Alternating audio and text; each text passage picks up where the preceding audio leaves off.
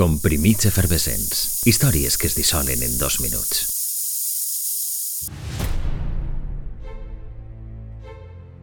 Fou més terrible encara que el que va destrossar Guernica i que Picasso immortalitzaria per a sempre. Per tant, potser estem parlant de l'atac aeri més cruent i devastador de tota la Guerra Civil. Moriren prop de 300 persones i milers quedaren malferides. Un 25 de maig, l'aviació feixista italiana atacava per sorpresa la ciutat d'Alacant. Eren prop de les 11 i mitja del matí i les sirenes no sonaren. El mercat central bullia d'activitat quan començaren a ploure projectils.